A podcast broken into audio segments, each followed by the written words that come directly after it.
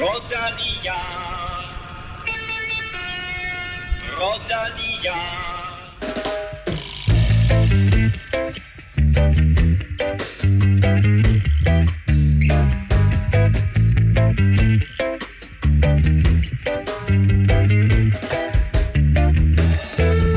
Du har sikkert allerede gættet det.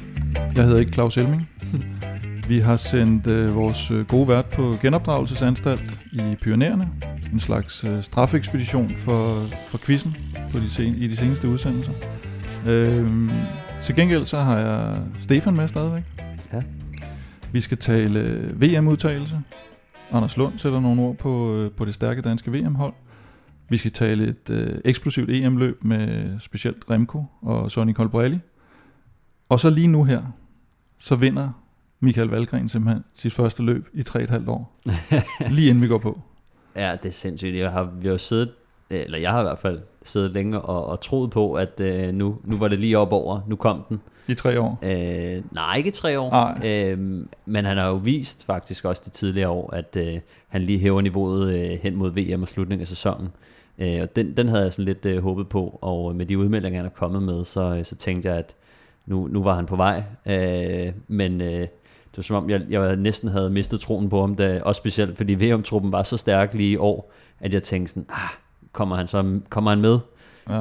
Øh, jeg havde ham så med på, på holdet, og øh, nu viser han så, øh, som, som han plejer at gøre, at, øh, at han, er sgu, han er sgu klar. Han kører øh, solo hjem. Ja, for vi havde, ja, vi havde begge to sat et hold, hvor han var på, og Ja. ja. jeg talte med Anders Lund i går aftes, og det interview skal vi høre senere. Og der siger Anders Lund nemlig også, kan vi godt afsløre her, han siger, fordi jeg spørger lidt ind til Valgren, jamen han har ikke rigtig vist de der resultater, de andre har vist. Siger han. Mm. Jeg tror på Valgren. Jeg tror 100% på ham, og jeg vil give ham noget ro, så han ligesom kan, kan komme i gang her til, til VM. Og det skal den unden fløjtende lige love for, at, øh, at, det, at det, det kan på det. Så øh, helt vildt fedt. Og så altså, nu har vi et, øh, et VM-hold bestående udelukkende af i hvert fald formstærke ryttere, kan man, kan man sige, også på papiret.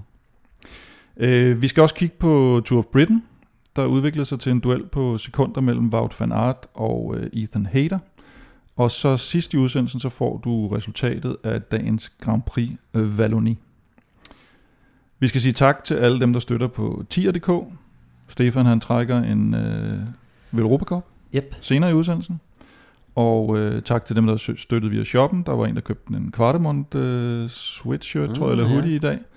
Så den er der også gang i, op mod, øh, mod VM i Flandern. Shoppen finder du på shop.velropa.dk Mit navn er ikke Claus Elming, det er Kim Plesner, og du lytter til Velropa Podcast, præsenteret i samarbejde med Odset fra Danske Spil.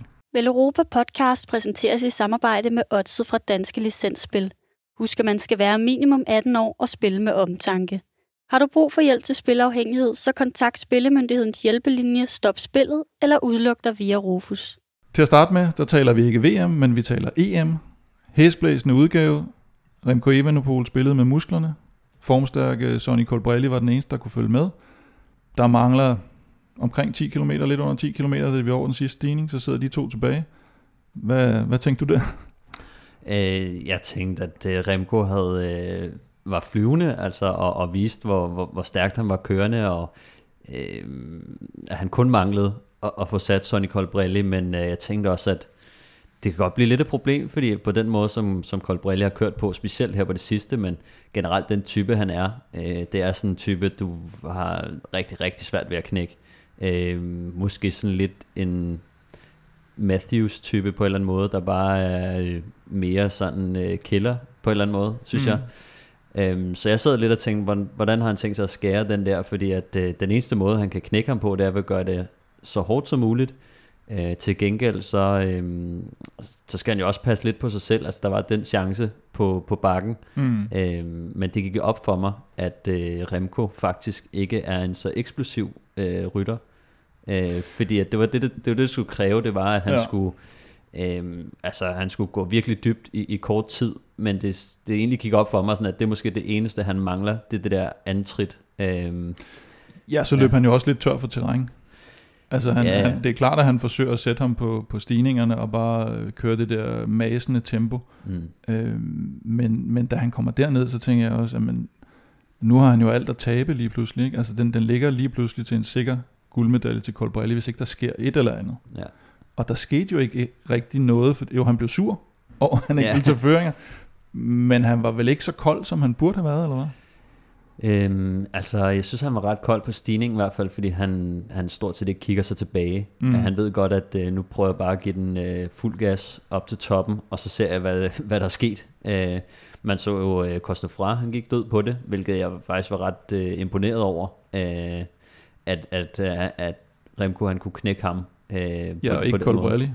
Ja, men, men altså Colbrelli kunne man se, han var faktisk helt ude i tårne på et Ja. tidspunkt, hvor han virkelig huggede i det, og der skulle ikke have været meget mere til. Øh, men jeg tror, at Colbrelli han, han kom igennem den på, på ren viljestyrke, og, og fordi han vidste, at kommer jeg bare hen over her, øh, og, og stigningen var ikke så lang igen, Mm. så, øh, så skulle han nok øh, vinde den der, ikke? Og, og det er bare det er nogle gange de der eksplosive øh, rytter, øh, eller sprintertyper der, ikke?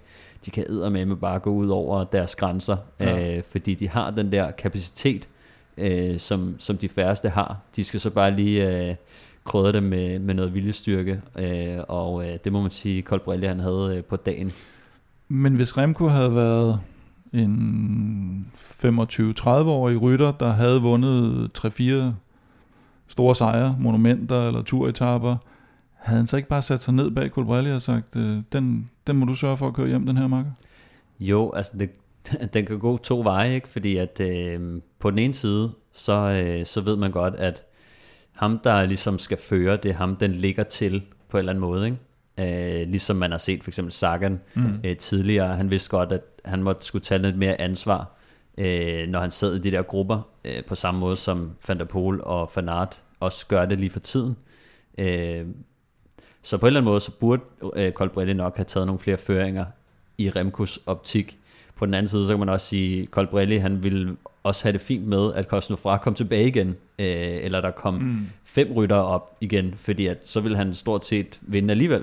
Øh, Ja, Så- men han har trods alt Trentin siddende dernede, der må være måske lidt mere frisk. Plus ja. han får måske hvad? 5-6 stærke rytter op, der kan begynde at skifte, stikke på skift. Og der kan jo ske alt muligt. Her der. Ja. har han næsten en sikker guldmedalje, ikke? det, det tror jeg, det, det, det handler allermest om, det er også, hvem er mest kold i røven. Lige præcis. Øh, og, og der er det, at Colbrelli, øh, 31-årig Mm. øh, italiener der, ikke, som, øh, som er en rigtig vedløber, som, øh, som altså man skal bare være villig til at sige fuck det hele, Præcis. øh, når man sidder i sådan en situation, og der, øh, der er det Colbrelli, han virkelig viser, øh, altså hvor, hvor, hvor kold man egentlig skal være, og, mm. hvor, og man skal være villig til at smide det hele væk, selvom man har kørt sig hele vejen til finalen, og er så tæt på, og så skal man stadig være, være så kold, at man øh, rent, helt instinktivt bare siger, jamen så, øh, så bliver det ingenting. Og der er det sådan lidt en, kan man sige, øh, kampen står mellem ham og Remco, og man kan jo tydeligt se, at Remco han var meget mere ophidset og ihærdig, Præcis. øhm, og han havde også lagt rigtig mange kræfter i, øhm, og fået skabt en situation, som han næsten kunne være tilfreds med. Øh, man kan sige, at han, han bliver stadig toer, øhm, men altså, Ja, problemet er, at der er ikke nogen af de to, der kører efter anden pladser. Nej, præcis. Jeg tror bare, at øh, altså, på den anden side, Colbrelli, han kunne ikke rigtig gøre noget. Altså på stigningen i hvert fald, eller, eller inden da. Han vidste godt. Det er altid det, man sidder i en situation, hvor Colbrelli, han godt ved, jeg skal passe lidt på mig selv her, så han fører ikke igennem. Øh, han prøver egentlig bare at spare på kræfterne, fordi han godt kunne mærke, at øh, Remco, han kørte rigtig, rigtig stærkt. Mm. Øh, Remco sidder også i den situation, hvor han tænker, jeg skal gøre det så hårdt som muligt, ikke? så man ved godt, hvordan arbejdsfordelingen er. Men kunne han for eksempel have lokket Colbrelli til at tage nogle længere føringer, eller gøre noget arbejde eller eller andet, så øh, det er jo det, man skal prøve at fange ham på, øh, på, på, det, på det forkerte ben på et eller andet tidspunkt. Ikke? Men, øh, men fordi Colbrelli er så erfaren, så vidste han godt lang tid inden, at øh, han skulle passe på sig selv, hvis, øh, hvis han skulle hele vejen øh, med til stregen. Colbrelli til VM. Det bliver vel interessant nok. Det synes jeg. Altså, øh, med den form, han har vist lige for tiden, øh, det, er- det er helt vanvittigt. Øhm, den rytter, han er ved at blive. Jeg har, jeg har prøvet at se lidt, at han, altså, han har faktisk historisk set haft lidt svært ved at præstere i de der Flandern rundt, eller øh, de brostensløbende til gengæld, så, øh, så har han vundet øh, på Brance Pejl, og, og gjort det godt i de der. Han har altid været god i de italienske endagsløb. Øh, mm. Har han vundet, øh, hvad hedder det, Trevalle Valicine og, øh, og Piemonte, og ja, han har vundet rigtig mange af de der italienske endagsløb, men, men haft det lidt svært ved de her.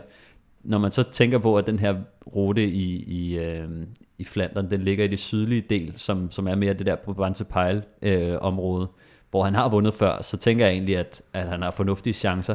Hans problem bliver nok igen, at han skal prøve at hægte sig på nogle af de der stærke rytter, og øh, den her rute, som de kommer til at køre i Flandern, den er, den er trods alt øh, mere besværlig end, end, end det EM, de kørte. Og noget længere.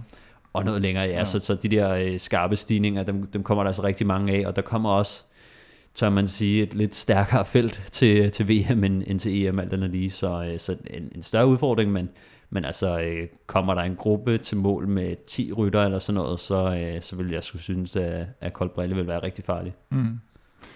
Og Remco har vi været lidt inde på, øh, hans, hans rolle på det, eller jeg ved ikke om vi har været så meget inde på hans rolle, men han, det bliver jo lidt mærkeligt det her med, at han er så suveræn kørende i, i EM, og så skal han så skal han lægge bånd på sig selv nu til et VM, kan han det?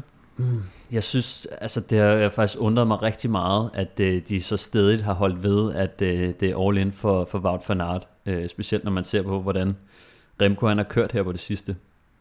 Øhm, måske Wout han er blevet lovet, at øh, nu skulle han være den eneste. Det har jo lige været, det har været lige før, at Remco ikke blev udtaget, mm. øh, som var den store Ja, historie op til. Men, men når man ser på, på holdet, øh, så tænker jeg, hvis at, at Remco han skal være hjælper, så forestiller jeg mig, at, øh, at han kommer til at hjælpe Wout van Aert med at skabe den der udskilning. Mm. Øh, fordi at, det tror jeg godt, han kan. Altså, kan de placere ham et sted? Fordi vi kender jo øh, Van der Poel og Wout van Aert og de her typer, de altid åbner finalen selv, mm. og lægger et kæmpe stykke arbejde i at få skabt den der finalegruppe. Det forestiller jeg mig lidt, at øh, Remco han kan gå ind og gøre for ham og sige, på den her bakke herovre et eller andet sted, der fyrer du den bare max af, og så holder du den bare kogende i øh, 5-10 kilometer, øh, og så, øh, så forhåbentlig er, er, er finalegruppen skabt. Øh, og hvis han sidder med videre derfra, så kan det være, at han, øh, han kan øh, måske prøve at stikke lidt på skift eller et eller andet med, med Wout van Aert, men som udgangspunkt så forestiller jeg mig faktisk lidt, at, at han skal skabe finalegruppen for, for Wout van Aert. Eller måske endda holde det her høje tempo, så netop der, og Van Aert vil jo gerne hjem og sprinte måske i en, i en Ja, meget lille gruppe, være. Ja. at han er så garanten for, at der ikke er nogen, der netop begynder at, at stikke af, for du kan, ikke, du kan ikke rigtig stikke af, hvis Remco først sætter det tempo. Nej, der. præcis. Det kan, også, det kan være, at han skal være den der defensive brik, hvor at, øh, hvis for eksempel en Kasper Askren kører afsted, øh, kan man sætte øh, Remco på, på dæk af ham, øh, og så bare lade være med at tage føringer. Øh, sådan noget lignende, fordi at Remco kunne også godt vinde øh, på den rute. Mm-hmm. Øhm, men, øh, men alt efter hvordan hierarkiet lige står, så øh, det kommer nok også til at afgøre, hvad han, øh, hvad han må og hvad han ikke må. Det var lidt om EM.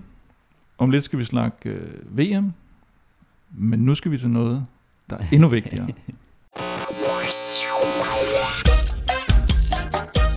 Det er selvfølgelig quizzen. Og øh, som sagt i indledningen, vi har sendt øh, Elming afsted. Han er, hvis vi skal tage det lidt mere alvorligt, så er han med cykelnævn, der er nede og cykle i Pyrenæerne, samle penge ind til Slerosforeningen. Og øh, så tænker vi jo, hvad, hvad gør vi så med quizzen?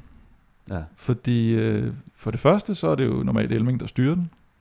For det andet, så er det jo, at præmissen jo blevet, at det handler om, som også mange lytterne skriver ind, at det handler om, hvad Elming tror, svaret er i quizzen. så nu skal vi til at omstille os, hvis lige pludselig vi laver en rigtig quiz. Mit forslag, det var jo bare at, at give mig pointet, og så bare skifte den. Så jeg kan beholde serveretten. ja. Nej, øh, men hvad kunne være bedre, når vi snakker quiz, end at tage en, der faktisk har vundet Veloropas quiz. Her på den gamle Veloropa Café, hvor vi godt kan afsløre, at vi sidder og optager den her podcast. Derfor har vi inviteret ingen ringere end Movistar Karl i studiet Hej, som quizmaster. Velkommen, Karl. tak skal du have. Eller tak skal I have. Godt at se jer. Det er lige måde. lige måde. Ja, lige måde. Du har simpelthen, øh, da, da jeg spurgte dig, om, om du ville være quizmaster, du skulle ikke have lang betænkningstid. Ej, det er da beæret over at få påtaget den, eller at få tildelt den rolle ja. som, som quizmaster på, altså, den Og vi er- mest legendariske quiz, jo. Vi, jeg tror, jeg taler for os begge to. Vi er lige dele spændte og glade for at, at, at se, hvad det er, vi skal, hvad, vi skal have os ud i. Men, men først så, øh, de fleste har jo nok hørt om det efterhånden. Øh, Movistar, Karl, det kommer selvfølgelig af, at du har været glødende Movistar-fan, eller, eller det hed vel ikke engang Movistar, dengang du startede med at, at følge holdet. Nej, der hed det vel Illes Baleares, et eller andet, Okay. eller, eller hed Banesto, men, Ja. men forelskede Og det er Valverde måske, du har du, du sådan lidt forelsket dig i, kan man sige. Jeg startede lidt med Mancebo, ikke også? Og den, Okay. den kørestil der, det var lidt svært ikke at elske. Ja. Øh, men så Ulrik blev lidt ældre, og Valverde pludselig øh, Han kører for Kelme i starten, ikke? Ja. Men øh, der, det, jeg, jeg følger med. Øh, øh, loyaliteten til ham følger med fra Kelme til, øh, Ja, ja. til, øh, til Illes Barriere. Hvordan havde du det, da han styrtede så her i, i Vueltaen? Det må have været forfærdeligt. Det var, det var frygteligt. Ja. Øh, jeg tror også, jeg skrev den, øh, da du annoncerer på Twitter, at han er styrtet, og jeg er ude og gå med min søn på det tidspunkt ja. i barnevogn. Øh, du, du er det første, der ligesom får det fra. Jeg bliver faktisk sur på dig. Always kill the messenger. Ja. Men det var værre øh, Düsseldorf i 17. Den, var, den gjorde mere ondt, vil jeg sige. Med knæskallen. Ja, den, Ja, ja, den, okay. var, den var jo... Øh, men i det hele taget, det at være Movistar-fan sådan for tiden, nu har vi, så er der Superman Lopez. Ja, det var... Hold nu kæft. Er det en uge siden, at, øh, er det en uge siden, de sagde, at øh, om et par dage kommer der en afklaring Ja, på den? ja, jeg sidder og tjekker deres hjemmeside meget i øjeblikket. Ja. Øh, jeg Hvad mener du om alt det? Jeg håber, han bliver fyret. Du, du er på, øh, på Movistar-holdet Ja, det, det bliver nødt til at være nu. Ja. Ja. Nu, er det, nu er det næsten øh, hvad er det? det er mange års troskab nu. Nu er det ikke, nu er det ikke ham, jeg forlader det for. Ja. Øh, jeg synes, øh, prøv at, der, der, han, er en, han er en suveræn cykelrytter, og der er masser af sejre af ham, men øh, Ja. det bliver vi nødt til at være for det andet hold. Vi, ja. øh, det, vi, skal, vi skal noget andet nu. Ja.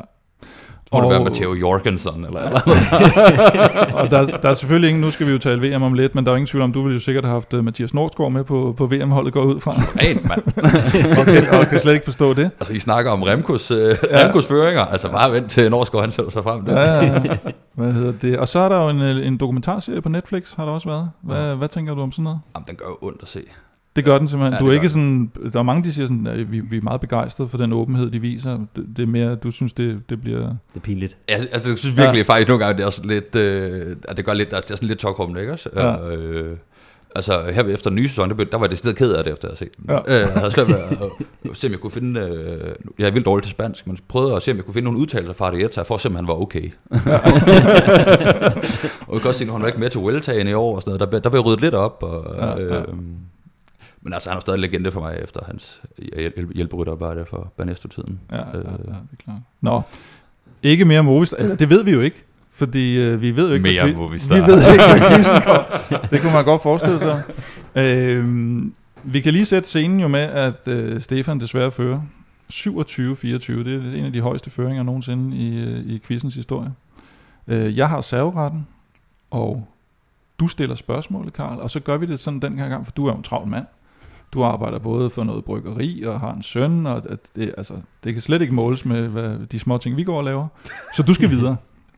Så det vi gør nu, det er, at vi kører quizzen som en one-off. Det vil sige, der er slet ikke tid til at google.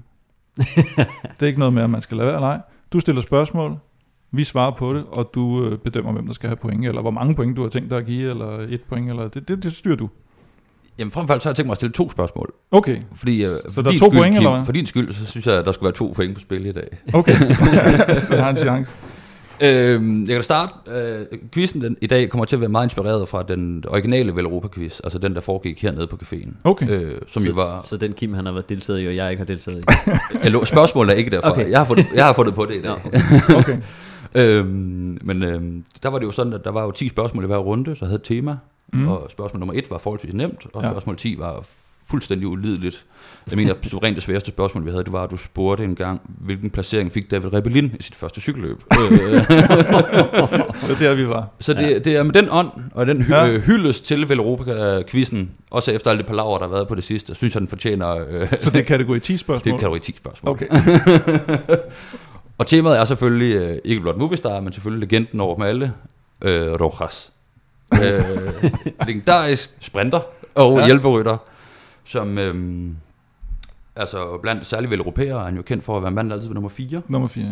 Så jeg har været inde og sidde og tælle i dag på Pro Cycling Mm. Stats, øh, på tværs af alle konkurrencer, ungdomskonkurrencer, grønne trøjekonkurrencer, etaper. 49 fjerdepladser øh, har han, Det- det, han scoret igennem sin karriere. også Det synes jeg jo er rimelig imponerende, faktisk. Stærkt. øhm, til gengæld, så har han heller ikke vundet nogen Grand Tour etappesejr på noget tidspunkt. Nej. Han er til gengæld, kan jeg fortælle jer, den rytter, der har flest top 10 placeringer på Grand Tour etappesejr, uden nogensinde at have vundet. Spørgsmålet er derfor, hvor mange top 10 placeringer har Rojas i Grand Tour, eta- på Grand Tour etapper? Puha. Uha. Jamen, uh, Mr. Og, det, Serveret. og, og, og så, er det, så øh, er det så den, der kommer tættest på, eller er det kun, hvis man gætter det rigtigt? Hvis det skal være det helt originale, så skal det jo være lige på. Mm-hmm. Men øh, vi kan jo godt, øh, i Elmingsånd, så gør det lidt mere light at sige den, der kommer tættest på. Okay, så vil jeg godt have Stefan svar først.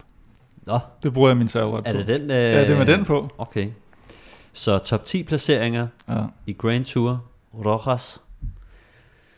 Der har han, øh, puha, hvad har han kørt? Han har kørt en 18 år eller sådan noget, vil jeg skyde på. Det lyder, ja, det var Ja, rigtigt. det er meget rigtigt. Ja. Den starter i Øhm. 2005 for Astana, ikke også? Så øh, det bliver, øh, jamen jeg tror vi skal op omkring de, de 45. 45. Så siger jeg 44.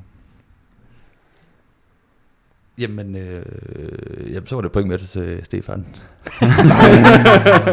hvad, hvad, hvad, var hvad, hvad Jamen, jeg kan sige så meget, hvis han havde fået 45, øh, plads, øh, så var han stadig, så var han stadig nummer to på listen. Nummer to på listen, det er Kreuzweig. Jeg tror, han har 41 øh, Nå, okay. top 10'er, uden at have vundet. Men nummer et, det er Asmer Rojas, han har øh, 53 top 10'er, Ah, okay. uden, øh, uden, øh, uden Det- etapesejr. Med, ja, Det er godt, øh, det er godt ramt. Det er godt og, så lave, og, og, du slipper ikke for at lave den fæsende der lige tage Nej, en. nej. Den kører den lave. Nå, det er, det er jeg jo ked af, og det vil sige øh, 28-24. Men så har jeg jo Ja. serveretten på den næste. Du har nemlig serveren på den Ja. næste, og det er igen øh, Rojas baseret, fordi øh, nu er spørgsmålet så, hvor mange top 3'er har han på Grand Tour etape sejre, eller Grand Tour etapper uden en sejr. top 3, og det andet var top 10. 53 top 10. Og så top 3, og han har jo haft alle de der fjerdepladser, ja. Det er jo en del af dem, må man sige. Jamen, du kan godt få lov at svare først igen. Nå, alligevel. ja, det var Det tør du alligevel. Øh, top 3'er, det vil sige øh, tredje og anden pladser. Øhm, der vil jeg skyde på, at han har 12.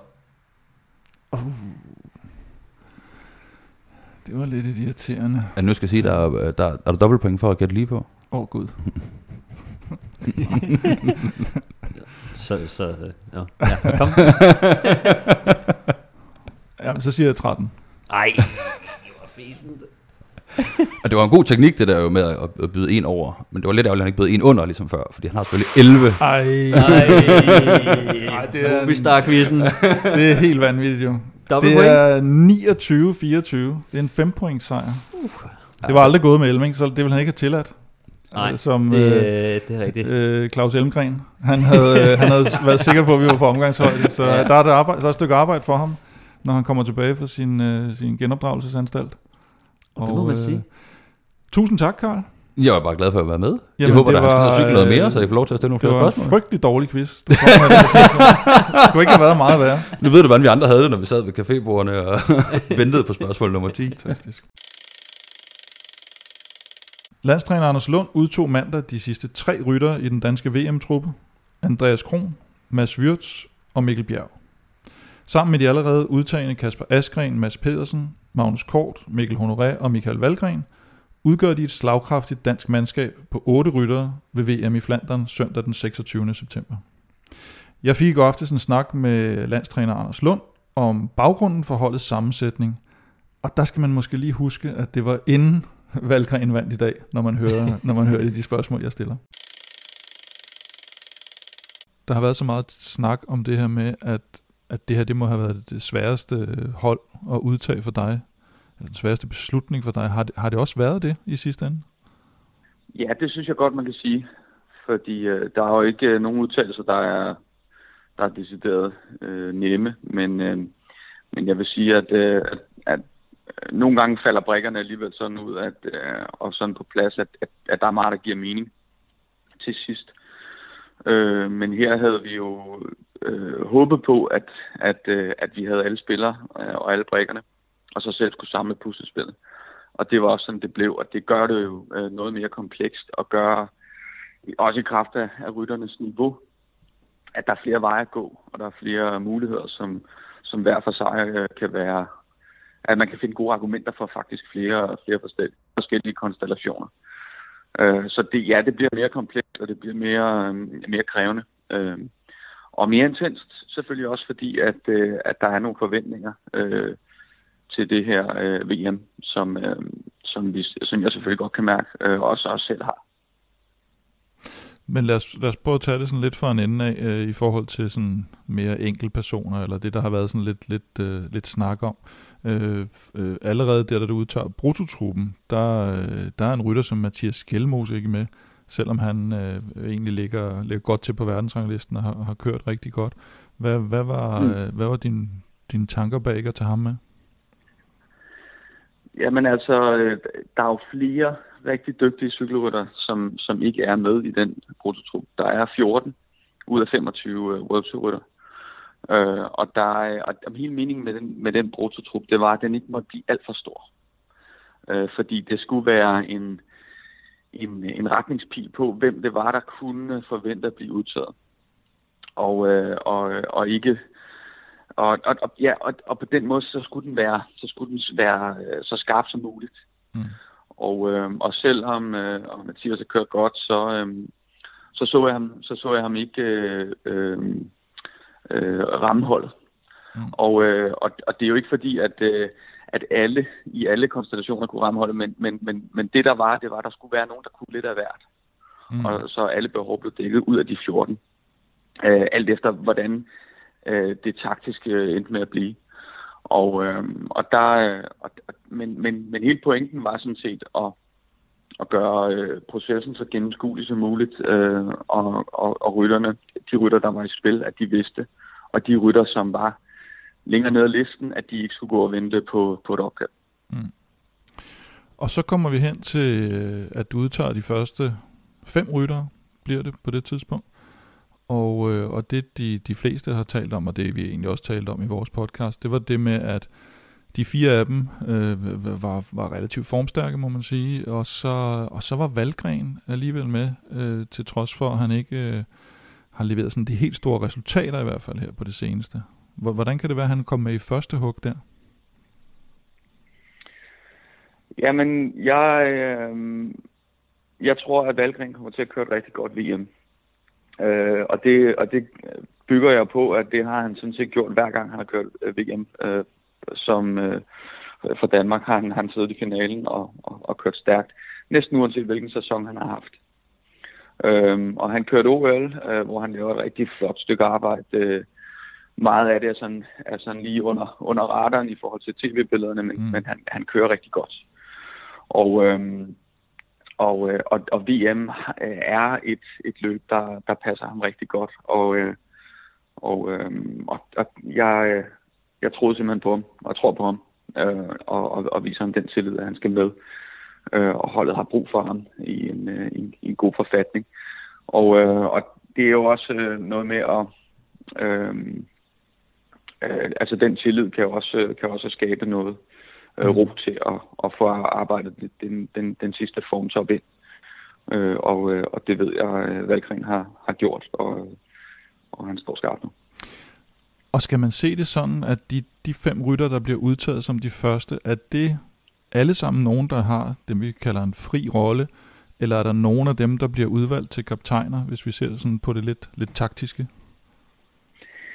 Jamen altså, der er næsten ikke nogen af dem, der, eller der, der, er ikke, men der er nogen af dem, der får en helt fri rolle, øh, fordi mm. vi bliver nødt til at, at fordele finalen meget skarpt i, i, i, imellem de rytter og lave en, en strategi, som, som, øh, hvor, at, øh, hvor at alle faser ligesom er dækket. Så det er ikke bare øh, op til rytteren selv lige øh, på, på, øh, på fornemmelsen at finde ud af, hvornår der skal, skal køres øh, umiddelbart. Det, altså, der er der bliver, der bliver nødt til at være nogle, øh, en, en skarp fordeling og en rollefordeling på fra præfinalen til mål. Mm. Øh, og øh, så, så det bliver ikke mere frit end det. Men, men jo, altså det, det, det, det er, det er den offensiv kraft, som de hver især repræsenterer den skal udnyttes. Øh, og, øh, og på den måde øh, åbne cykelløbet og være farlig og forhåbentlig øh, skabe noget overtal, og at vi er flere, fordi vi har flere, mm. der, der er offensiv kræfter og kan køre og er farlige og formstærke og alt det der. Så, så det er ligesom, øh, hele strategien er, at vi skal være at vi skal være øh, aggressiv og, øh, og, og offensiv og så, og så øh, komme tingene i forkøbet og være, og være mange. Og det ser vi også i de tre rytter, du så, du så udtog i går, at, at det blev den her offensiv satsning, som vi også havde, øh, vi havde Magnus Kort igennem under, under Weltagen, der også sagde, at han håbede, at det blev lidt det her syv, eller han jokede lidt med syv kaptajner og en hjælperytter, og det, blev, og det blev jo lidt den, den her, den, den offensive indstilling i hvert fald, og, og det vil sige, der, mm. der er sådan en, man kan sådan typemæssigt i hvert fald kalde for, for en, en måske decideret hjælperytter, det blev Mikkel Bjerg, og han var jo lidt op mm. imod mm. Michael Mørkøv og Chris Juhl, hvis man ser det sådan på papiret. Hvad, hvad var dine overvejelser omkring at tage ham på baggrund, eller, eller i stedet for de to andre? Øh, jamen altså, Mikkel Bjergs helt store métier, øh, som, det, som, som det er nu, og det han, det han øh, blev sat til også i, under Tour de France, øh, det er, at han kan føre. Og, øh, og jeg vurderer, at han er den, øh, den dansker, der er, er bedst til den opgave. Øh, og, øh, og, det, og, det, og jeg forventer ikke, at vi kommer til at køre det cykelløb, uden at vi, at vi bliver nødt til at tage øh, en anden form for ansvar. Og der er han vores, øh, der er han vores mand til det. Øhm, og, øhm, og det er der også, det, selvfølgelig er der også andre, der kan løse den opgave, men, men jeg synes egentlig, den var, at den opgave var skabt til Mikkel. Og, og derfor synes jeg, det var oplagt at tage ham med. Øhm, jeg synes, øh, i forhold til, øh, til de to andre, øh, du nævner, øh, Chris og, og Mørke, de repræsenterer jo også en, en, en stor erfaring, øh, og, øh, og vil kunne gå ind og, og udfylde en vejkaptajnrolle. Og det er ligesom der kompromiset er, øh, at investere øh, den, den vejkaptajn, som man normalt har, øh, og så bytte det ud for en, endnu en, en offensiv patron. Mm.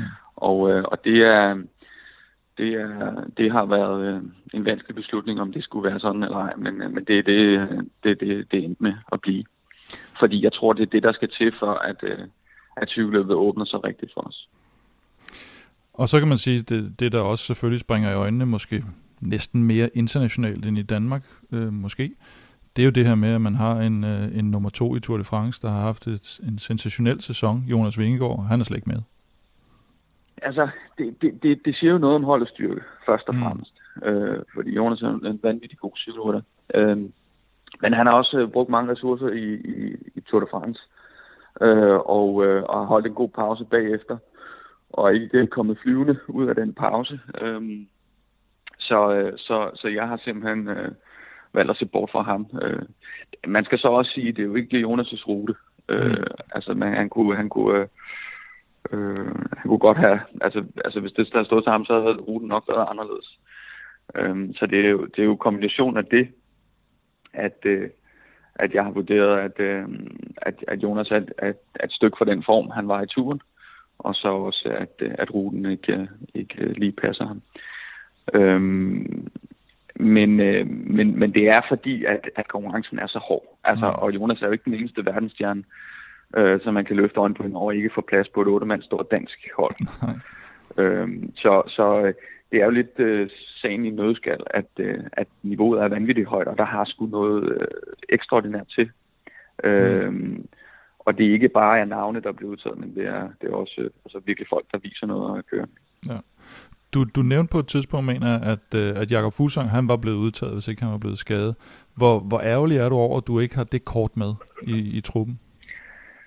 Ja, men jeg, det, det, jeg vil sige, at jeg er videre nu, øh, men, men, øh, men Jakob havde været en, en, en, øh, stor kapacitet øh, at have med på det hold.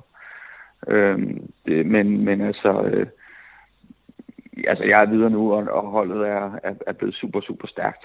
Øh, og, øhm, og, og, og fordi der er ingen der, der, der, der ikke kan være med, så åbner det jo øh, muligheden for, for nogle andre, som, mm. som så får chancen til at, at åbne nogle, altså, øh, med nogle andre kompetencer, nogle andre kvaliteter. Så, så det, øh, jeg synes, øh, jeg synes, som holdet står, så, øh, så er jeg rigtig godt tilfreds. Fint lige at høre landstræneren fortælle om, om baggrunden for udtalelsen, og, og, og sjovt at høre ham med, med de store forventninger til, til Michael Valgren, det må man sige, det blev, ja. det blev indfriet i dag. Vi har lige siddet og set uh, afslutningen igen med Valgren, og det er jo som at se den gamle, den gamle er, Michael Valgren, ikke? Jo, men jeg synes faktisk, at generelt, det har sådan, han har set godt kørende ud, men øh, det er ligesom om, at øh, han har gjort alt det, han plejer, bare med undtagelse af slangehugget til sidst, mm. ikke? Øh, den var der så i dag, og øh, det, det er godt at se og viser også, at, at når han sidder med det der overskud, vi hørte det også fra ham sidste år faktisk, hvor han øh, i Tour de France, hvor han sad med i nogle ret øh, stærke grupper, men han sagde bare, at han kunne simpelthen ikke, øh, han kunne ikke køre væk, han, han kunne ikke noget, han kunne kun lige mm. hænge på, og det var imponerende, han sad der, men man sad hele tiden og tænkte, hvornår kommer den, og, øh, og, øh, og i dag øh, i Toscana, der sidder han med overskud i gruppen, mm. kan man se, fordi han, han prøver faktisk at køre væk, øh, i hvert fald to gange, mm. øh, og, øh, og, og der lykkedes det ham på, på, på, på taktisk vis også, øh, og kan man sige, snige sig øh, afsted, og så, øh, og så viser han bare, at han har benene til at, til at gøre det færdigt, ikke? Og, og de skulle ikke give ham øh, noget snor, før, at, øh, mm. før det var forbi. Og når vi kigger på VM-holdet, nu kender vi alle de otte ryttere, det lå sådan relativt tæt op af det, som vi faktisk havde, havde også øh, udtaget eller forudsagt, eller hvad det var. Men, men, men hvad, hvad er overraskende? Hvad synes du er det mest overraskende?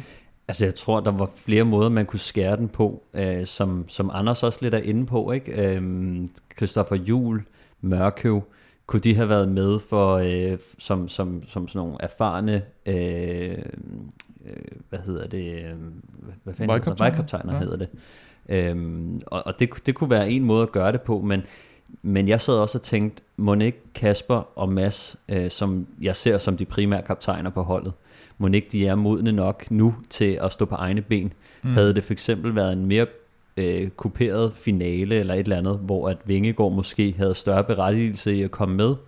Øh, jeg tror, at sådan en som Vingegaard måske kunne bruge mere en vejkaptajn, end, end de to har brug for. Så, mm. øh, så meget sjovt, at han faktisk vælger at sige, øh, som, som han selv siger, at tage nogle flere patroner med, i stedet for mm. at og, øh, og så, så gå tage den offensive tilgang, i stedet for at tage stabiliteten af erfaringen og vejkaptajnerne med, øh, så gå mere offensivt til værk. Så, øh, det vil sige, Mørkøv og, og Jul, øh, lidt overraskende.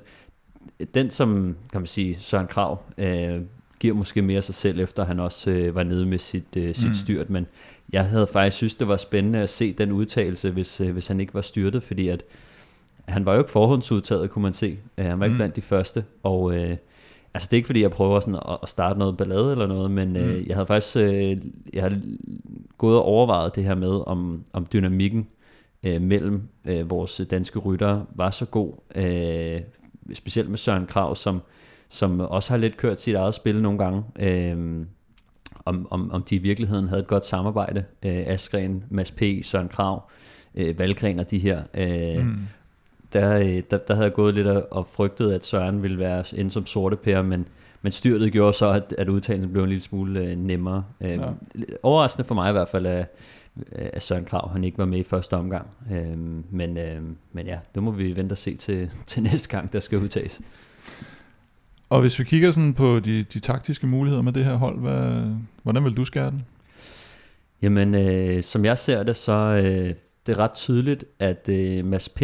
og Askren øh, er de to øh, kaptajner, primære, øh, hvad hedder det, som vi skal satse på. Det er også fordi at øh, jeg tror, som, som Anders også lidt synes jeg er inde på, ikke? At, at de har altså resultaterne til at bakke det op og vise, at øh, de kan præstere på det der niveau. Øh, selvfølgelig øh, Mads P. har vundet VM før. Øh, det er en rute, som, som godt kan ligge fint til ham. Øh, måske er jeg lidt spændt på at se, hvordan han klarer sig på øh, en lidt mere kuperet øh, rute med, med, med okay mange højdemeter. Øhm, Askren selvfølgelig har vundet øh, Flandern rundt, så de to, øh, vil jeg sige, øh, det er noget tid siden, at øh, Al Valgren har været på det der niveau, hvor han vandt omløb og, øh, og var sådan helt deroppe, hvor han var for et par år siden. Øh, resultatmæssigt i hvert fald. Øh, men de to går jo fra Askren og, øh, og Mads P. af de to kaptajner, så ser jeg lidt øh, Valgren og, og Honoré som de der, øh, kan man sige, frie roller, som godt kan få lov at, at stikke øh, i, en, i en præfinale, eller være med til at åbne ballet og gå med på de øh, tidligere angreb. Øhm, og så gemmer vi øh, Mads P. og Askren lidt. Øhm, så, øh, så ser jeg Kort som sin helt egen rolle, faktisk. Mm. Altså sådan helt, øh, kan man sige, ekstern for, for truppen, fordi at jeg tror hverken, at, at han kommer til at hjælpe, og øh, så tror jeg, at, at han sådan kommer til at tage køre sit eget spil lidt på en eller anden måde. Øhm, det er lidt svært at finde ud af, hvordan kort han har tænkt sig at skære øh, et cykelløb, øh, fordi han både har sin, øh, sin vanvittige spurt, men, øh, men også nogle gange begiver sig ud på nogle togter. Så øh, jeg ser ham lidt bare fordi at han har gjort det så godt i Vueltaen, at han får lov at bare stille op og, og, og gøre, køre sit eget game. Øhm, så er der selvfølgelig øh, Wirtz Kron og, øh, og Mikkel Bjerg, der ser lidt som om, at Mikkel skal være trækhesten den, den første halvdel, så skal Kron og Wirtz øh, være de to, der sørger for, at vores kaptajner kommer ind i finalen øh, i, en, i en ordentlig position, og så egentlig bare øh, kæmpe med det, så længe de overhovedet kan. Øh, og øh, skulle der ske noget, hvor, at, øh, hvor vores øh, kaptajner bliver fanget øh, på et dårligt tidspunkt, et styrt, whatever, så, øh, så er det deres, deres tos opgave at, at bringe den tilbage i, i gamet. Det bliver i hvert fald spændende. Det, den øh, 26. september, der er halvanden uge til. Ja. Og øh, jeg tror, der er en del, en del danskere, der glæder sig, og vi har også fået en masse henvendelser faktisk om, øh, eller jeg har i hvert fald fået her på det seneste, med folk, der skal der ned og, og spørger sådan lidt, øh, hvad så med ruten, og hvor skal vi stå hen og sådan noget. Og jeg må bare sige, det, det ved jeg ikke, fordi jeg har normalt til Flandern rundt. ja, det er rigtigt. så der er ikke, der er ikke en helt stor rute, rutekendskab på den her, men, øh, men må ikke de får en rigtig god oplevelse, dem der, der skal derned. Øh, nogen, der også får en god oplevelse, det er jo øh, alle dem her, der vinder en øh, Velropa Cup. Mm. Og det er blevet tid igen til at trække blandt vores støtter på tier.dk, og det er jo dig, der er lykkens øh, julefis, hvad er det, siger? Ja, Stefan? Ja. Jo, men øh, vinderen øh, den her gang er en, som... Øh, jeg kan faktisk ikke tyde navnet ud for det her, så øh, det er jo en, en e-mailadresse, jeg har, som jeg ikke vil afsløre det hele af. Men øh, vedkommende har jo støttet i, siden juli øh, 19 med en tier inde på tier.dk. Ja. Og øh, det er øh, Todyk.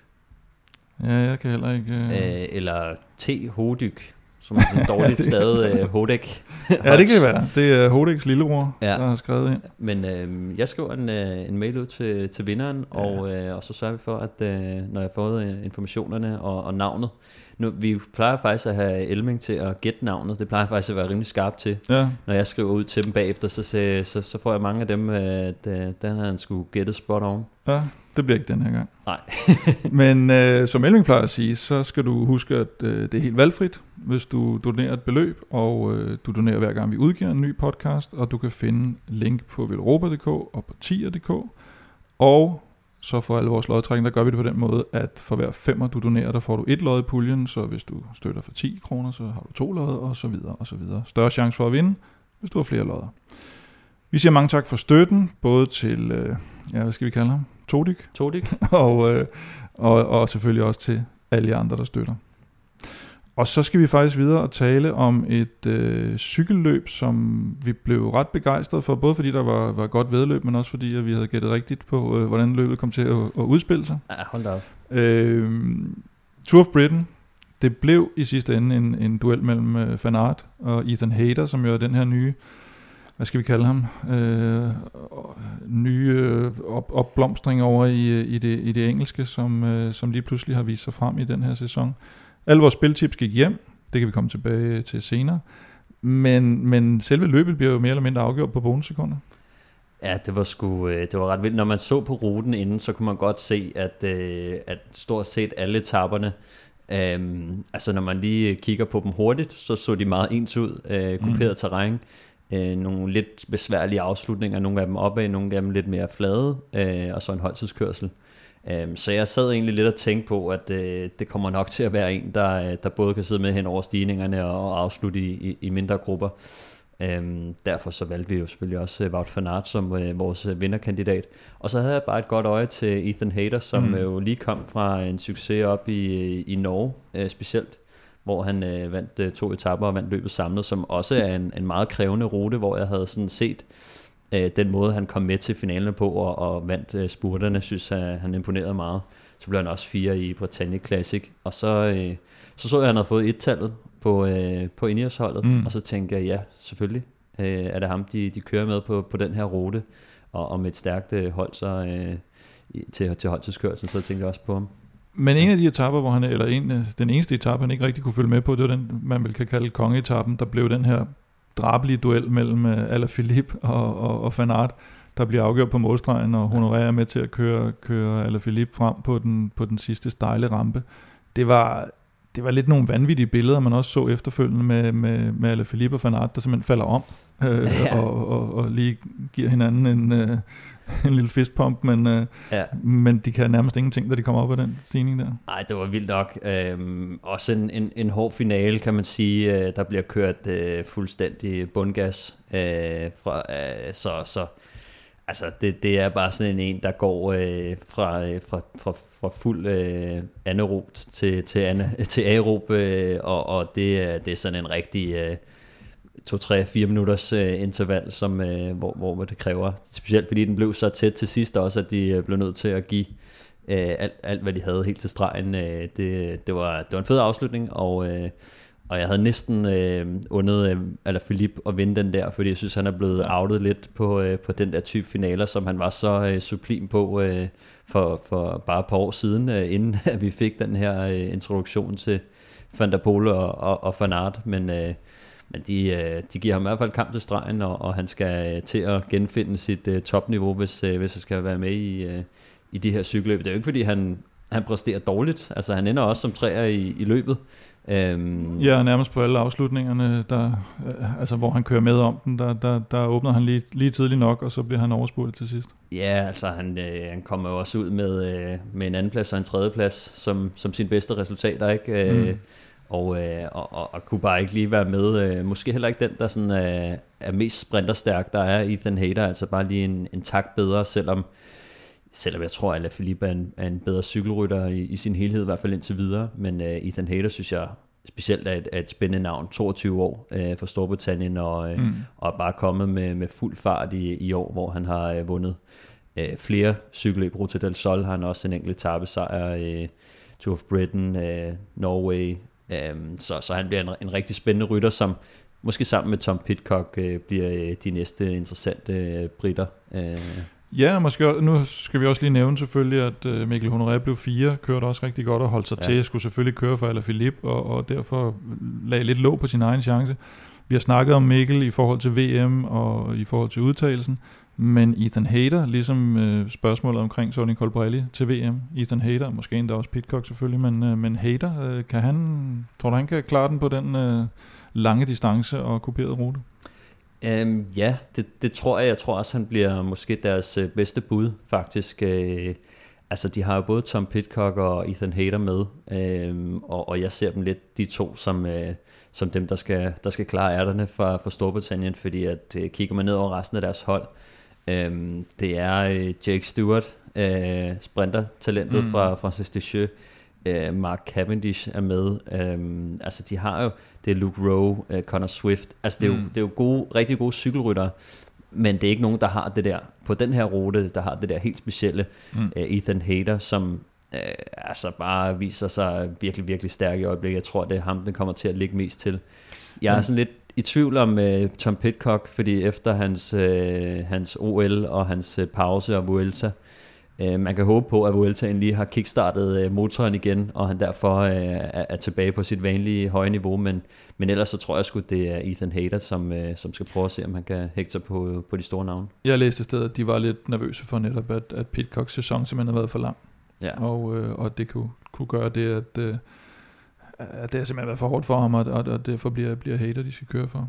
Og, Det virker også som om, at Tom Pitcock sådan er en, øh, måske en lille smule mere menneskelig end øh, Van der Poel og Van Aert, fordi ja. Ja, jeg har sgu længe gået og undret mig over, hvordan fan de der øh, crossryttere, de kan bare blive ved med at holde gryden i kog, um, og de slet ikke får nogen dyk, men, men det der, som Tom Pitcock han gjorde efter sit, øh, sit OL, hvor han bare trak stikket fuldstændig i 14 dage, og så noget undrende for ham selv, ikke mindst, det var, at han lige pludselig blev udtaget til at køre Vueltaen, Øh, der var han selv sådan lidt, øh, nøj, men jeg har bare holdt fri, øh, så nu må vi lige se, hvordan det går. mm. Øhm, ret vildt, at de udtog ham til det, men jeg tror også, det har handlet om at, altså sådan, at de skulle, de skulle bruge en mand, og måske gerne vil, vil se, hvad han kan i det der etabeløb, så, så det blev en, kan man sige, en stille øh, indkørsel for ham til øh, en introduktion til, hvordan det er at køre de her Grand Tours.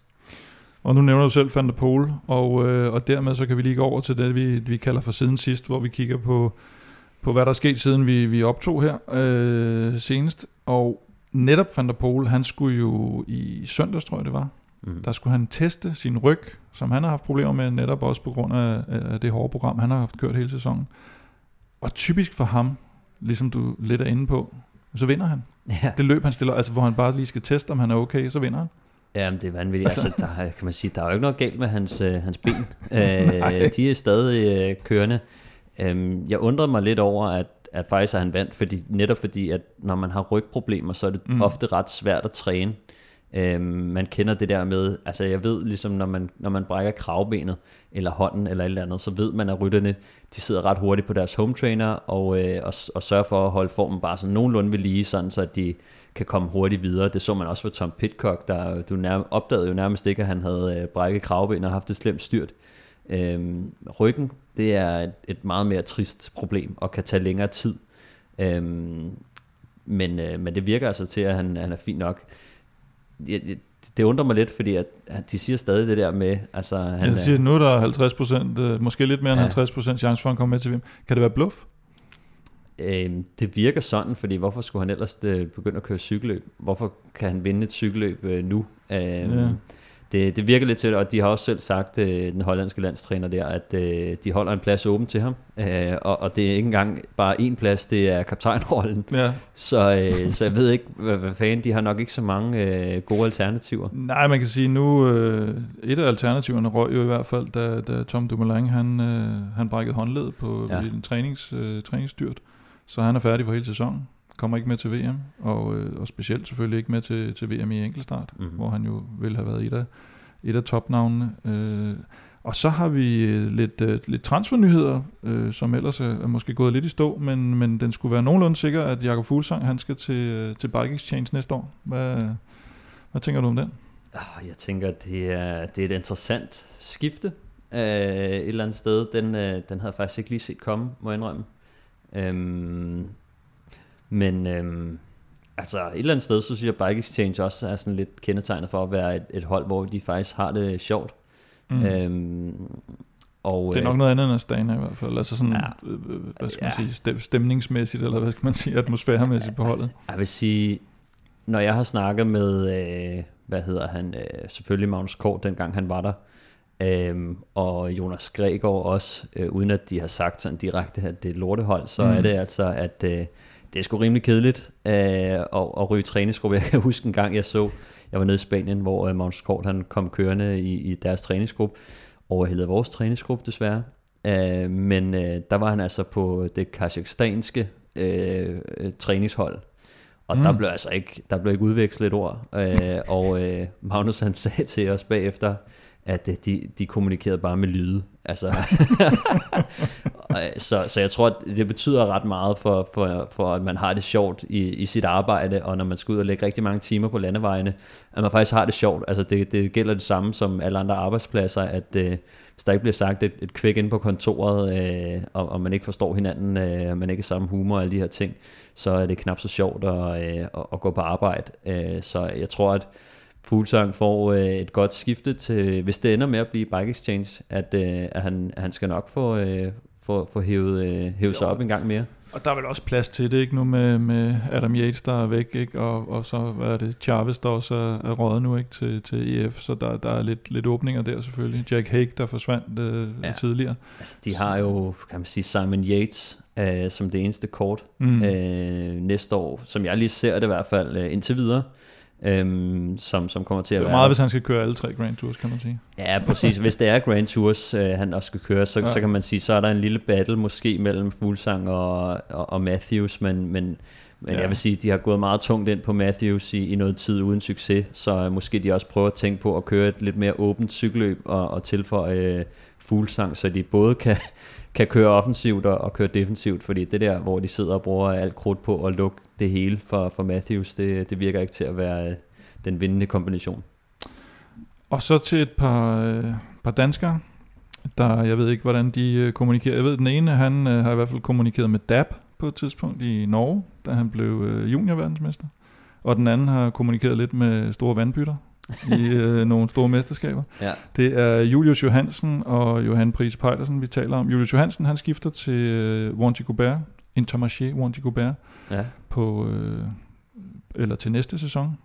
Den, øh, den, det ved jeg ikke, om man lige har set. Ej, jeg havde, øh, jeg havde godt nok ikke set den komme. Øhm, altså nu, nu, øh, nu har man ikke set så meget til, til Julius, synes jeg, mm. i, i noget tid, sådan øh, landevejsmæssigt. Øhm, Men, øh, men altså, jeg, jeg vil sige, øh, cool, at han, han prøver det. Jeg ser ikke sådan nødvendigvis en, øh, Intermarché Vanti, Vanti Gobert som, som et dårligt hold at være på. Jeg synes, mm. de har nogle øh, mega... Wellington var jo fantastisk for dem. Ja, ja, de begynder at få nogle navne. De får Christoph ind, øh, mm. så, så der er lidt norsk connection der, at, han, at øh, Julius kommer fra et norsk hold, men han skal til at, kan man sige, det lyder mærkeligt, fordi han er 22 år, men der skal til at kickstartes noget, noget landevejskarriere. Mm. Det er klart, at, at når han kommer fra, fra al den banetræning, de har været igennem, det er noget, noget helt andet, og, og skaber ret, kan man sige, dårlige forudsætninger for at gøre det godt på landevejen. Øh, så nu skal han ligesom til at starte sin rigtige landevejskarriere. Øh, han er jo selvfølgelig et, øh, et, et kæmpe talent, øh, det, det skal vi ikke glemme. og en stor og, motor en kæmpe motor, som altså han vandt jo øh, U23-mesterskaberne, øh, både i enkeltstart og, og landevej sidste år, så, øh, så det er ikke fordi, jeg tror ikke, at talentet er, er gemt, gemt mere væk på ham, men, men han har fået en lille smule gok i nøden på, øh, på øh, vores øh, ultra, ultra stærke øh, banehold, mm. hvor han jo øh, trak sorte og, og ikke kom på banen øh, her til OL. Så øh, sidst vi så det, det var jo Kasper Petersen. Kasper P, ja. Og han kom altså flyvende ud øh, for, øh, for, hvad var det? Det var Giant. Øh, ja, man skal, vel, man skal vel samle sig selv lidt op med det der, fordi man har jo brugt et, et, øh, en ret stor del af sin karriere på et mål, som man så kun delvis var med til, eller man var jo ikke rigtig med til at køre det i hvert fald, men øh, så, så, så der skal vel en eller anden form for mental opsamling der, og sige, nu, nu sadler vi lige om, og så, så der, ja. det, er også, det er måske også derfor, han forlader Uno X. Ja, altså øh, det undrer mig faktisk lidt, at, øh, at han vælger at gå den vej, øh, og ikke øh, bliver på, på Uno X, fordi jeg er sikker på, at de gerne vil beholde ham. Han, altså, han kom jo ind sidste år mm. øh, med, med Danskerparken, kan man sige, hvor de fik frit slag til at køre bane. Øhm, og, og derfor var Uno, Uno X jo villige til at sige, jamen hele 2020-sæsonen og det meste af 2021-sæsonen, øh, det, det er fint nok, at I ikke præsterer så godt. Selvfølgelig skal de rundt og køre nogle cykelløb og, og måske lave nogle, udføre nogle hjælperoller, men, men det synes jeg var ret stort, at, at de gjorde det. Øh, nu skifter Julius jo så til, til Vanchi Gobert, og øh, Frederik Rodenberg mistede de jo også ja. til, til DSM, så, så deres øh, gavmilde satsning der, det, det bider dem en lille smule i røven, synes jeg, men jeg kunne forestille mig, at Julius øh, måske kunne koble sig lidt på Christoph-vognen. Mm. Øh, der kan han i hvert fald altid bruges til at, til at føre lidt i bund, og så, øh, så tror jeg, indledningsvis skal han nok, øh, komme, fordi han også kommer ind på et større hold, hvor de altid, som regel altid vil have en rytter, der, øh, der, der får kaptajnrollen, så får han nok ikke lov til at, til at stikke så meget sted og, øh, hvad hedder det, øh, og, og lave sjov og spas. Øh, så mm. bliver det nok en hjælperrolle, og så... Øh, skal han måske prøve at, at kigge, kigge på sin øh, TT-cykel igen, og se om ja. han kan... Uh, og en der, en, der har kigget dybt uh, på sin TC, og, og kærligt på sin TC-cykel, det er jo uh, Johan Prise Pejlersen, eller JPP, JPP, som også der ser NFL, vi også uh, siger. øhm, han, uh, han vinder U23 EM i enkeltstart, og er vel blandt favoritterne til at også tage guldet i VM. Ja, øh, man kan sige, Johan har jo været den her, øh, kan man sige, han har stået lidt i skyggen af Mikkel Bjerg, mm. faktisk. Øh, men, øh, men, men trådte jo lidt ud af skyggen, da han øh, vandt øh, EM foran Mikkel Bjerg i, i 19. Øh, nu vinder han så igen, og øh, så kan vi jo huske, øh, hvis man ikke har set det, kan huske fra, øh, fra 2019, da han øh, faktisk at han kørte VM i, i Yorkshire, og øh, han, øh, han kører ind i den her kæmpe store vandpyt øh, og, styrter. Og der blev lavet lidt, øh, lidt sjov ud af det heldigvis, så kunne jo han også øh, grine lidt om det, men, øh, men øh, det bliver sjovt at se, øh, sjovt at se ham til, til VM. Jeg tror bestemt, han har, øh, han har store muligheder for at, for at vinde den også. Øh, det, ja, for det var jo en relativt stor maven, han vandt med, og det er jo ikke sådan, at der, der findes formentlig ikke de der helt store favoritter over i, i Amerika eller, eller andre steder. Altså uden for Europa findes der nok ikke de helt, helt store favoritter lige i den disciplin. Nej, jeg tror også, at øh, Johan må, må være en af, af store favoritterne. Øh, der er selvfølgelig nogle, øh, nogle navne, øh, men, øh, men altså, jeg, jeg tror, han er, han, han er ret, øh, ret stor favorit. Der er en mand som Tobias Beyer, som, øh, som har vist, øh, det var måske også fordi, jeg sad og, og havde burgers, da han øh, virkelig imponerede der. Han kørte linjeløbet også der, øh, kørte meget godt med i linjeløbet til ham, ja. Ja, så øh, det er sådan en mand, hvor at, øh, jeg kendte ham ikke så meget i forvejen, mm. men øh, han imponerede mig virkelig, og, og jeg glæder mig til at se, hvad han kan på, på sådan en enkelt start, men, øh, men jeg tror sgu jo, han, han, øh, han napper den der. Ja. Lige om lidt skal vi tale øh, mere, meget mere enkeltstart faktisk, og VM enkeltstart. Men øh, vi skal lige hilse på Sara først. Vel Europa podcast præsenteres i samarbejde med Odset fra Danske Licensspil. Husk, at man skal være minimum 18 år og spille med omtanke. Har du brug for hjælp til spilafhængighed, så kontakt Spillemyndighedens hjælpelinje Stop Spillet eller udluk dig via Rufus. Nu skal vi nemlig kigge frem mod søndagens enkeltstart ved VM, altså den førstkommende søndag. Søndag om to uger, eller halvanden uge, der er det linjeløbet. På søndag, der er det danske Kasper Askren og Mikkel Bjerg, der skal i aktion. Hvad, øhm, hvad tænker vi om deres chancer? Øhm, puha, jeg synes faktisk, den er lidt svær. Øhm, jeg, øhm, jeg vil sige, at øh, så når man kigger på resultatlisten, så synes jeg faktisk, at Askren han kører meget pænt. Det er bare ærgerligt, at øh, der er sådan nogle kometer med øh, lige i øjeblikket.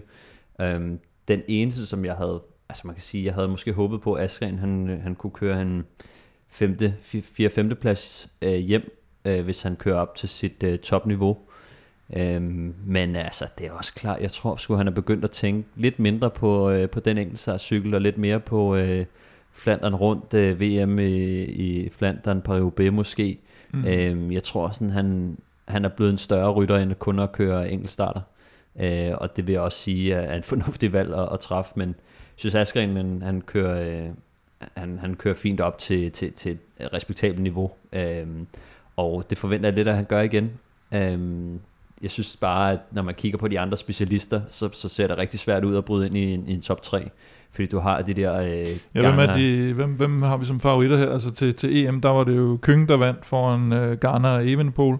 Er, er, er det lidt de samme, vi skal kigge efter nu? Det er præcis de samme, vi skal kigge efter faktisk. Øh, jeg kan ikke rigtig se, øh, hvem der skulle komme, øh, komme ud fra. Altså, du har... Øh, skal det være Van Aert måske, ikke? Men øh, han har også lidt fokus. Van Aert selvfølgelig, som vi manglede til, til mm. EM. Øh, det, han kommer selvfølgelig også til at, at, at være skarp, og, og kommer nok til at øh, køre i hvert fald en top 5 hjem. Nok også en top 3. Øh, så, og så ellers så har vi været amerikanerne med, øh, Lawson Craddock og, og Brandon McNulty, øh, som også er fine cykelrytter, men nok ikke kommer til at køre helt i, i top. Øh, Nej, vi kan vel håbe på, at øh, nu ruten den er, den er noget længere end, end TM, og, Køng har det vel med at være lidt bedre, når det, når det er kortere distance, i hvert fald i forhold til sådan en som Askren. Ja, altså, og Garner formentlig også. Ja, altså det der, det synes der bliver spændende at se, øh, hvordan, øh, hvordan de kommer til at præstere, når man siger, EM-ruten øh, var, øh, var selvfølgelig helt flad, øh, 22 km lang. Sidste år til VM var, var den kun 30 km. Mm. I, I år får vi så en, en rigtig øh, dejlig, lækker tonserrute på, på 44 km. Mm. Øh, pandekage flad, der er en hvad, 50 højdemeter eller sådan noget, stort set ingenting. Øhm, og øh, kommer, den er heller ikke særlig teknisk, så det er sådan en rigtig øh, power enkelt start. Det eneste, der kan skabe lidt, øh, ikke ballade, men de kommer lidt ud til kysten. Øh, mm. en, en del af ruten kommer til at køre langs nogle kanaler og sådan noget. Øh, så det kan skabe lidt ekstra vind, men, men i bund og grund er det bare en rigtig tonserrute. Så øh, der kommer til at være noget mere, øh, noget mere rytme, ikke så meget... Øh, du ved, når de er korte, øh, korte enkeltstarter, der skal man virkelig øh, ramme niveauet fra start af, og så bare kunne sidde præcis, øh, millimeter øh, præcist øh, på, på sit øh, absolute maksimum. Her, der får man lidt bedre chance for at, øh, altså at køre sig ind øh, og bare øh, virkelig få, få gang i motoren. Så, så derfor også en bedre øh, rute for sådan en som Askren øh, og Mikkel Bjerg end for eksempel en, en Remco Evenepoel, øh, som jo kører rasende stærkt, men jeg også vil, øh, hvad hedder det, tænke vil være bedre på en, på en kort start. Ja. Vi, øh, vi skal jo til at, at have nogle spiltips, og, og vi kan jo ikke undgå at sige, at det, det er gået meget godt på, det, på det seneste. Det skal så også sige, som vi også var inde på, at, at uh, specielt under, jeg tror det var under Tour de France, der ramte vi altså ikke, uh, ikke, ikke det helt. Men det kommer lidt i stimer. Ja. Og uh, jeg kan sige, at på Velropas vinder, der har vi jo vundet de, de to seneste. Roglic vinder 21. etape af Vueltaen, Wout van Aert vinder Tour of Britain. Stefan Staltip, der har vi vundet de tre seneste. De La Cruz slutter i top 10 i Vueltaen. Adam Yates slutter foran Bernal i Vueltaen. Ethan Hayter slutter i top 3 i Tour of Britain. Og Plæsners Podie, de fire seneste. Mars slutter top 3 i Vueltaen. Bahrain vinder holdkonkurrencen. Mohortis på podiet i Benelux. Og Honoré i top 5 i Tour of Britain. Ja, vi fik den faktisk top 5. Jeg havde sagt top 3. Ja. Danske Spil siger, nu har I været skarpe, vi giver jer lige en gave. Jeg tror nogle gange, så det er fordi, jeg skriver nogle gange med dem omkring sådan noget, øh, det kommer lidt an på, hvad oddset er på. Nå, Okay. okay. Øh, nogle gange, så hvis, hvis, det er en, hvis jeg får et meget højt odds, så kan jeg måske godt lige sætte den ned til en top 5 eller sådan noget. Mm. Øh, og så tror jeg bare, han, han tænkte, du, du, får den i top 5, fordi at det er sådan lidt, jeg har, har skrevet tidligere. Ja. Og så tænker jeg, ah, ved du hvad, den er også fair nok. Det var også et pænt odds. Det er et stort podium. Og, og når man ligesom kiggede på de rytter, der også var til start i top 3, øh, nu vi ser det i bagspejlet, ja. så kan man jo se Wout van Aert, Ethan Hayter og, og svær. Alaphilippe. Øhm, så, så top 5, den var god. Og selv Claus' Cup, som nogle af jer måske husker, gik jo hjem med, med kort i top 3 på, på den afsluttende enkeltstart i Vueltaen. Så, så det er som om, vi nærmest ikke kan, Kan vi i øjeblikket. kan misse. Men øh, må ikke, det kommer. øh, Stefan, øh, vil du ikke tage øh, Velropas vinder? Jo, det kan jeg godt. Øhm, Filippo Ganna øhm, fik øhm, ikke den sejr, han havde håbet på øh, til EM. Til gengæld så tror jeg, at øh, han napper den her til VM. Jeg synes, der var en... Øh, hvad der lyder, hvad jeg synes, der var vanvittigt, var, at han kørte den her mærkelige disciplin. Mixed Nå, mixed relay. Relay. Ja. Øhm, dagen inden, øh, der skulle køres, øh, køres den rigtige øh, enkeltstart. Og øh, altså, det, det er jo sådan noget, hvor de kører tre herrer først, og så giver de, øh, kan man sige, øh, flammen videre til, til tre mm. kvinder. Øhm, og jeg ved sgu ikke rigtigt, den har været kørt siden 2019. Nå, jeg gider ikke engang Jo, snakke men om der, den det længere. er jo lidt ligesom med, med 4 km banen ved OL. Det er ham, der vinder. Altså, det er ham, der vinder ja. For, øh, for Italien, ikke? Jo, jo. Så øh, nu skal han også lidt, vinde lidt for sig selv, måske. Ja, jeg tænkte, den der, den der han havde kørt dag, dagen inden, den har nok sat sig lidt i benene, specielt når man kører en, en kort enkeltstart. Den her, Mm. den, kommer, den er dobbelt så lang, Mm. øh, og han har ikke kørt noget øh, dagen inden, som de andre ikke har kørt. Så, øh, så den tror jeg skulle, øh, den tror jeg han napper, og jeg tænkte nok, at oddset ville være nogenlunde højt på ham, øh, siden han ikke vandt øh, EM. Mm. Og, øh, og vi får et odds, øh, der hedder 2,2. Det vil sige, er øh, okay. vi har fået den, den er, giver odds 2 igen, og så har vi boostet den til, til 2,2. Øh, Garner vinder, som, øh, ja, og, og han er jo bare den, den vildeste enkeltstartsrytter, så altså, det synes jeg er et godt spil. Det er okay. Du kan køre videre med øh, staldtippet. Ja, og nu hvor jeg lige talte Remco ned på de lange øh, flade enkeltstarter, så øh, vil jeg sige, øh, han blev træer i, i EM, og øh, af en eller anden mærkelig grund, så tror jeg sgu han, øh, han kan køre en top 3 igen til, til VM. Øhm, Det så meget godt ud på stigningerne i linjeløbet, vil man sige. Ja, Jeg vil sige, han, øh, han har i hvert fald vist, at, øh, at formen den, øh, den stadig er, er god og, øh, og opadgående. Um, han er jo blevet øh, nummer to tidligere øh, til, til VM også. Um, så, så jeg tror sgu, jeg tror han tager en top 3. Det eneste, der bekymrer mig lidt, det er øh, Wout van Aert, som lige joiner festen. Jamen det er, så, Øh. det er der, jeg kommer ind. Ja. Fordi øh, ham, har jeg, ham har jeg jo så taget i top 3, og, øh, og du får- får 2.15 på, på Remco, ja. Skal vi lige sige, og jeg får odds 2 på, på Van Aert i top 3. Men ligesom i Tour of Britain, så kan de jo alle tre gå hjem. Ja, og det tror Garner jeg... øh, vinder det, foran øh, enten Remco eller Van Aert, og, og, og de to kommer i top 3. Jamen, jeg kunne godt se det, for, og det er også grunden til, at jeg tager Remco. Øh, det er, at det, det er i Belgien. Ja. Øh, og øh, det er ikke en særlig speciel, altså det er ikke en særlig svær rute, men jeg tror bare, at det der øh, VM i Belgien for en belgier, øh, selv på en enkelt start, så tror jeg, at de kommer til at være max øh, fokuseret og motiveret, øh, og det tror jeg kommer til at gøre, at både Remco og, og, og jeg tror også, at Wout van Aert kommer til at køre hurtigere end, øh, end Stefan Kyng, som jeg ser som den største udfordrer til, til de to. Jeg tror, Garner løber af med den, men øh, jeg tror, at to belgier på podiet, det er, det er realistisk. Og øh, det var så vores spiltip, bragt i samarbejde med Odset for Danske Spil. Inden vi slutter af, så skal vi lige, som vi har lovet, kigge på øh, Valoni, der er blevet kørt i dag, Ja. og nu er blevet færdig. Vi havde Andreas Kron med, VM-klar Andreas Kron. Jeg sendte et billede af, jeg så ham cykle ned af Fasanvej her den anden dag, i, i fuld lotto-mundering, og, øh, og, og så, så spurgte jeg dig, hvad skal han stadigvæk køre Valoni, og så sendte du et billede, som han havde sendt af en kuffert, der blev trukket ud i lufthavnen, så det tog vi som et ja. Han blev nummer 32, øh, 49 sekunder efter, og vi kan se, at øh, Christophe Laporte vinder simpelthen løbet i en, i en større gruppe foran øh, Bagil og Tosh van der Sande. Og så norske Rasmus Tiller på 6. pladsen skal måske lige nævnes. Øh, Laporte i forhold til, til VM, det er den for hård for ham. Øhm, det, det tror jeg. Ja. Øhm, vi har set ham køre rigtig godt i det der øh, kan man sige, større løb, som ikke får den samme medieomtale. Øh, kan man sige, hvad er det, den hedder? Øh, hipsterens øh, Paris-Roubaix. Nå, ja, Trobo Lyon. Trobo Lyon. Øh, nogle af de her øh, rigtig hårde øh, løb, der, der køres lige under bedst sendetid, øh, der, øh, der plejer han at gøre det rigtig godt. Og det er ikke, fordi han ikke kan være med, men... Øh, Men det er også relativt fladt. Et, et relativt fladt løb, Ja, ikke? Og så det er der er nogle grusveje. øh, jeg, tror, jeg tror ikke, at han har de samme øh, albuer i, i sådan et øh, VM her, som, øh, som danskerne, belgierne, øh, og så også for et, for et fransk hold, som jeg har svært ved at se. Øh, De har som- Philippe, ikke? Som vel den store øh, Ja, det, det, det, det, det tror jeg, det, det kommer til at, at handle om øh, for dem i hvert fald. Ikke? Så, Jo. øh, så, så det er nok all in for, for ham.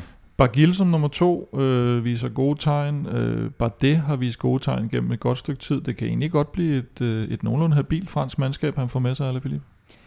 Ja, men altså, det er jo, øh, altså, det er jo ikke dårligt. Øh, men, øh, men igen, så vil jeg sige, øh, altså, øh, Bargiel, øh, jeg ved ikke, om han har, hvad der skal til. Øh, jeg tror sgu heller ikke engang, øh, han er ikke udtaget. I hvert fald ikke endnu, selvom øh, jeg tror Mm. ikke, Frankrig har øh, sat endelig navne på, på alle dem. Det der kan være, han lige kan nå at komme med på, på andenpladsen her i, ja. Ja. i Wallonie. Ja, men jeg tror sgu, jeg tror, at den her rute, den kommer til at kræve øh, så meget power, at, øh, at de måske også skulle, øh, jeg ved ikke, altså det kan jo godt være, at han, øh, han kommer med Bargiel her, men, øh, men jeg tror, det er, en- det er en tak for sent.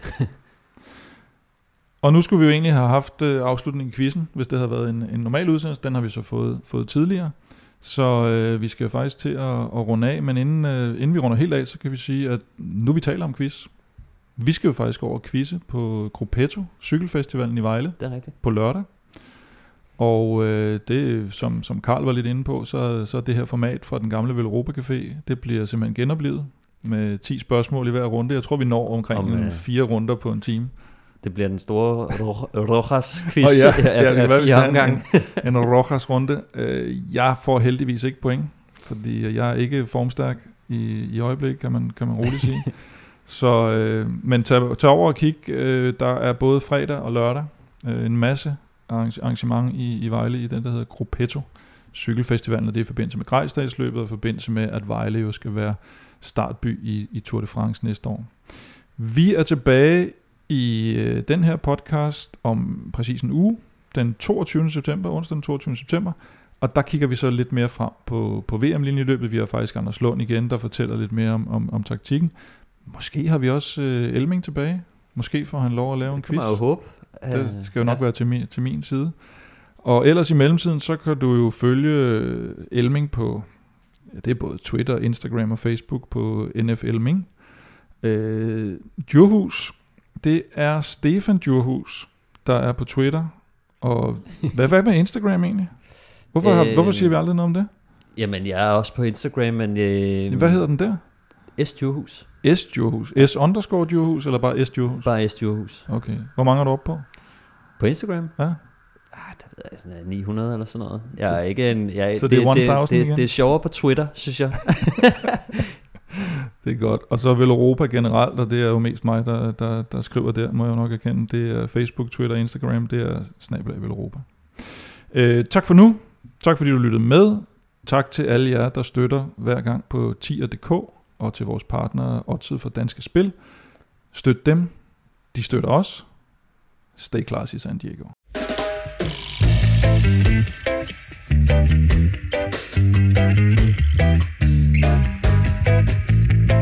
Salut.